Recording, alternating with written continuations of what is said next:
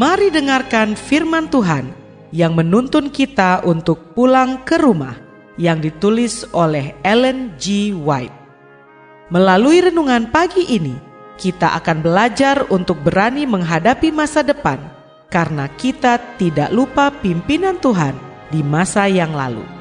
Bersama Pendeta Andre Daimbani, selamat mendengarkan.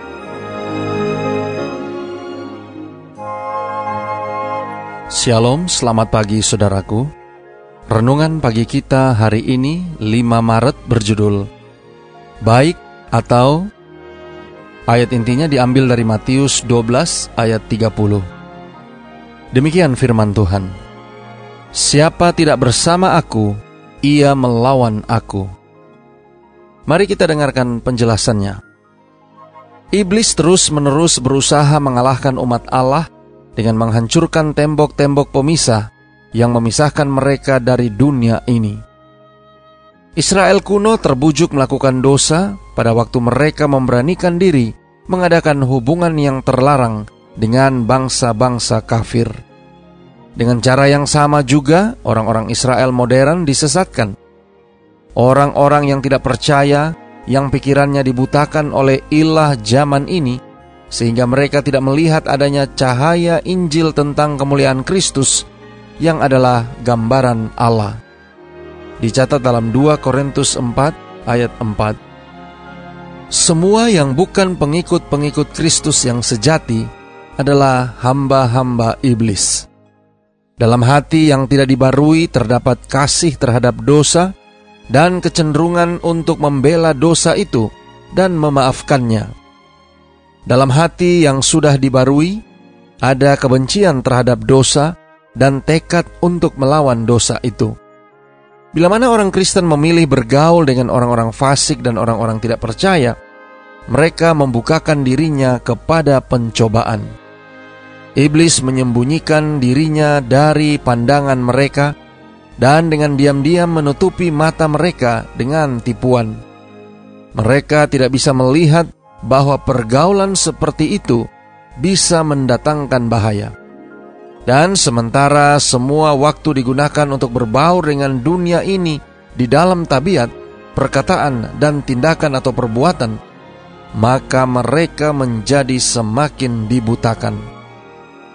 Persesuaian kepada kebiasaan-kebiasaan dunia membuat gereja bertobat kepada dunia dan tidak akan pernah mempertobatkan dunia kepada Kristus. Keakraban dengan dosa pasti menyebabkan dosa itu tampak kurang menjijikkan.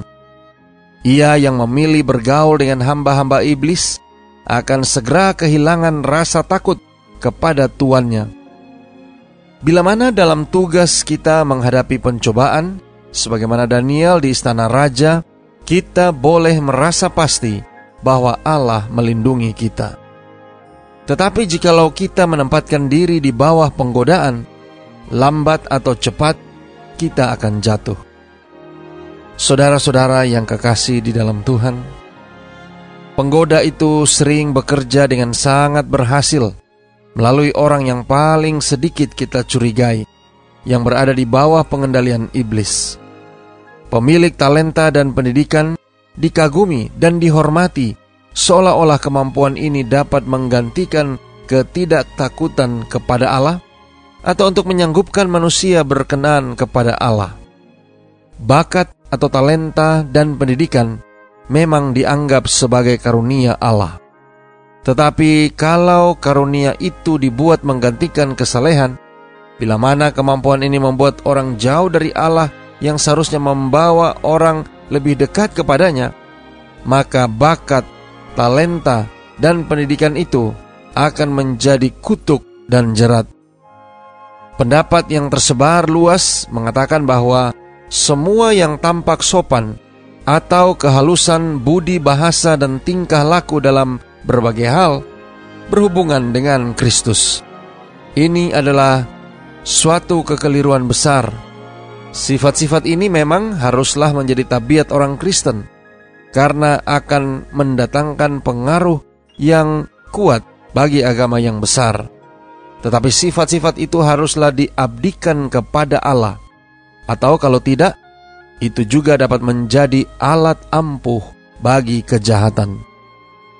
Alfa dan Omega jilid 8 halaman 533 dan 534. Doa kita hari ini. Bapa terima kasih. Melalui renungan pagi ini, kami boleh belajar tentang satu hal yang penting dalam kehidupan rohani kami. Terima kasih melalui renungan pagi ini, kami diingatkan untuk membawa Kristus kepada dunia, bukan sebaliknya membawa dunia ke dalam gereja. Tolong kami hari ini Bapa, biarlah dengan pertolongan kuasa roh kudusmu akan menyanggupkan kami untuk hidup selaras seperti apa yang engkau inginkan, dan biarlah itu boleh menjadi berkat rohani bagi kami masing-masing. Terima kasih Bapa. Inilah doa dan permohonan kami kepadamu. Di dalam nama Yesus kami berdoa. Amin.